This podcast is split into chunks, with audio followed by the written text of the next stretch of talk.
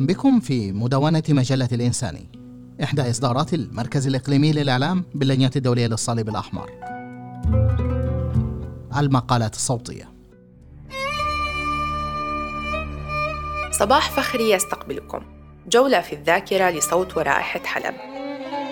قل للمليحة في الخمار الأسود ماذا فعلت بناسك متعبدي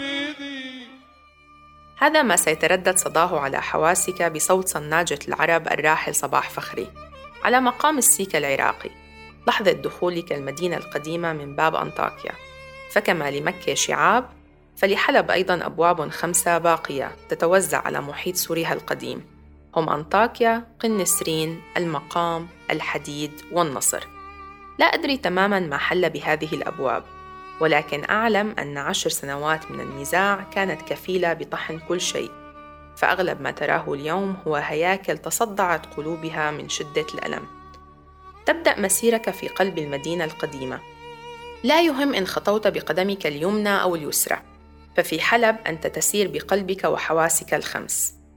ربما تحتاج إلى حاسة سادسة لتحتوي هذه الحاضرة. تبدأ مستفتحا بجامع علي الرومي. الذي كان يحتفي بأجمل الحضارات الصوفية سابقا. ستبدو لك أصوات الذكر قادمة من الأحجار. فالأحجار ليست صماء على الأقل هي ليست كذلك في الشهباء. تتابع مواجها جامع التروس. أول جامع بناه المسلمون فرحا بدخولهم المدينة. دون الحاجة إلى الحرب والاقتتال رموا سيوفهم وتروسهم أرضا معلنين السلام. يقع على يمينك حي الجلوم وعلى يسارك حي العقبة أقدم حي معمور في حلب. فتكمل بخط سير مستقيم ضمن سوق أنطاكيا. ما زلت أذكر هذا السوق الشعبي الذي كان يكتسي ببضائع من النخب الثالث والرابع. بضائع ملونة مزركشة كثيرة الزينة تبعث في النفس إحساس الربيع وفرحة الأطفال. يبتاعها أهل الأرياف بسخاء لا يخلو من المبازرة التقليدية. اليوم لا الأرياف ولا أهلوها ولا السوق باق كما كان.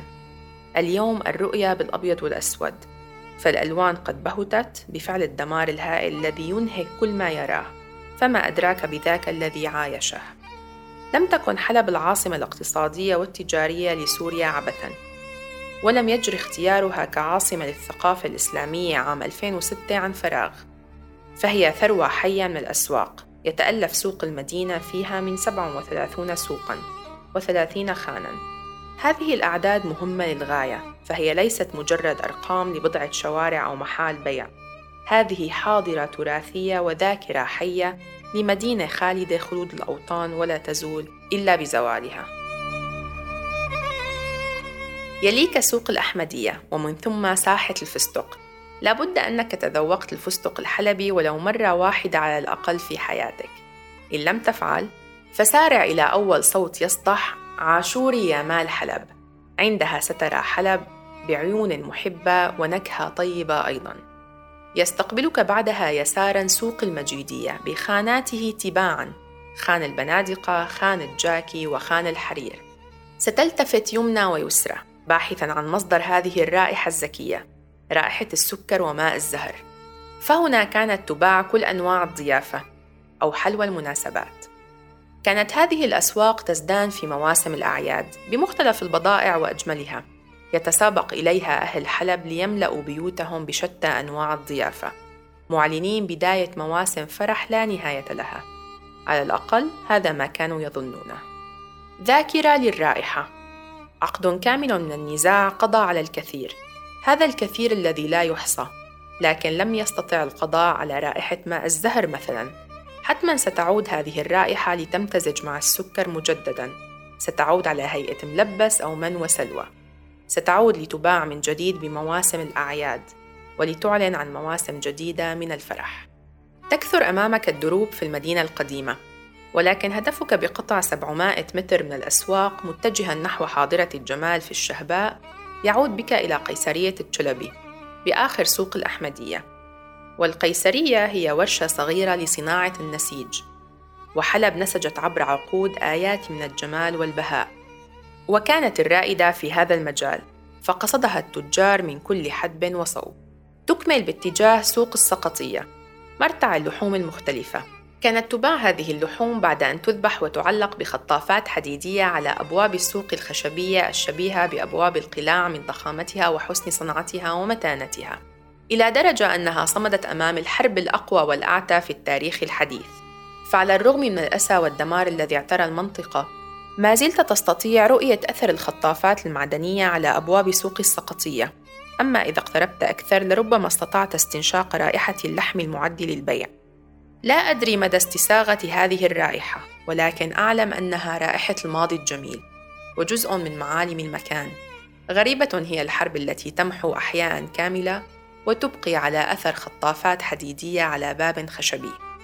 الآن تؤدي بك الطريق إلى قلب الحدث إلى هذه المساحة التي جمعت أهل الأرض يوما ما. إنه سوق العطارين الأكثر شهرة والأكثر تضررا. في الحقيقة أنت الآن في كتلة مدمرة مطموسة المعالم. تشهد عليها شظايا الأحجار المدببة والمنثورة هنا وهناك. هذا السوق يمر في ذاكرتي كشريط سينمائي. كنت أزوره ممسكة بيد جدي مرافقة إياه إلى عمله في منطقة السويقة. نقصده عادة لنبتاع قائمة طويلة من البهارات طلبتها منا جدتي. كانت لهذا السوق رائحة مميزة تشبه رائحة الحضارات والشعوب. فأنت وبمجرد مرورك بالسوق تزور عدة بلدان وتتعرف على نكهات المدن وأنت لم تبرح مكانك. فلديك البهارات المصنعة محليا وتلك المستوردة من الهند والسند والصين. هناك الزيوت المختلفة للغوى والدواء ونجوم البحر المجففة والمعلقة كسلاسل ذهب على واجهة المحال. والأهم لديك أبو فاس لوجع الرأس جملة ستسمعها على امتداد السوق. فالعطارون معالجون وأطباء شعبيون فلا تستهن بقدرتهم على مداواة جرح المدينة. لابد أن عشقي للفن التشكيلي بدأ من هنا فكنت أناظر ألوان البهارات بشغف غريب مكتشفة الدرجات الغريبة وتداخل الألوان بصنعة مبهرة وريشة عراف. الفنان باحث عن الجمال في كل مكان أعتقد أن سوق العطارين كان المكان الأول والأجمل. يواجهك مباشرة سوق العبي يليه سوق الزرب. يحزنك خلو المكان من الأصوات والأضواء. فأين هي جملة تفضلي يا خانم؟ التي كانت تتردد على امتداد المحال فتسمع الصدى قبل الصوت. وأين هي حميمية السوق التي تنشأ من تلاصق الدكاكين ببعضها واستناد كراسي القش المرصوفة أمام الأبواب واحدها على الآخر. عند مخرج السوق ستصادف بعض المحال التي عادت للعمل.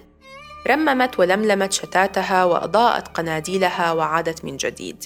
فعلى الرغم من صعوبة العودة إلى نقطة البداية، فإن هناك انتماء سيظل يشدك إلى المدينة القديمة، إلى روح المدينة. تنتهي رحلتك في أطول سوق مسقوف في العالم لتخرج منه مواجها لؤلؤة الشهباء قلعة حلب إحدى أكبر وأقدم القلاع في العالم. سيعتريك الذهول في حضرة الجمال والجلال.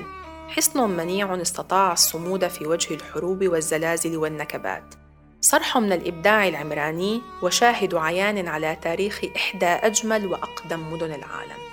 فالمليحة هي حلب والنساك المتعبدون هم نحن القاطنون والزوار.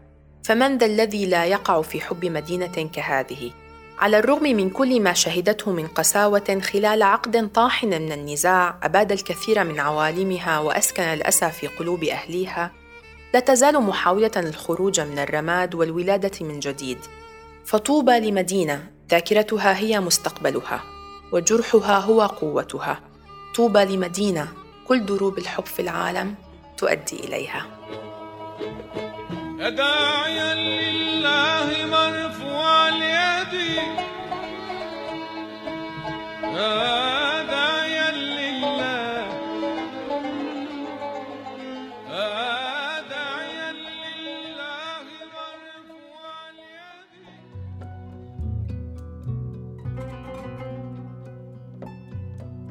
شكرا للمتابعة. للاستماع إلى مزيد من المقالات زوروا الموقع الإلكتروني لمجلة الإنساني slash Alain Sani.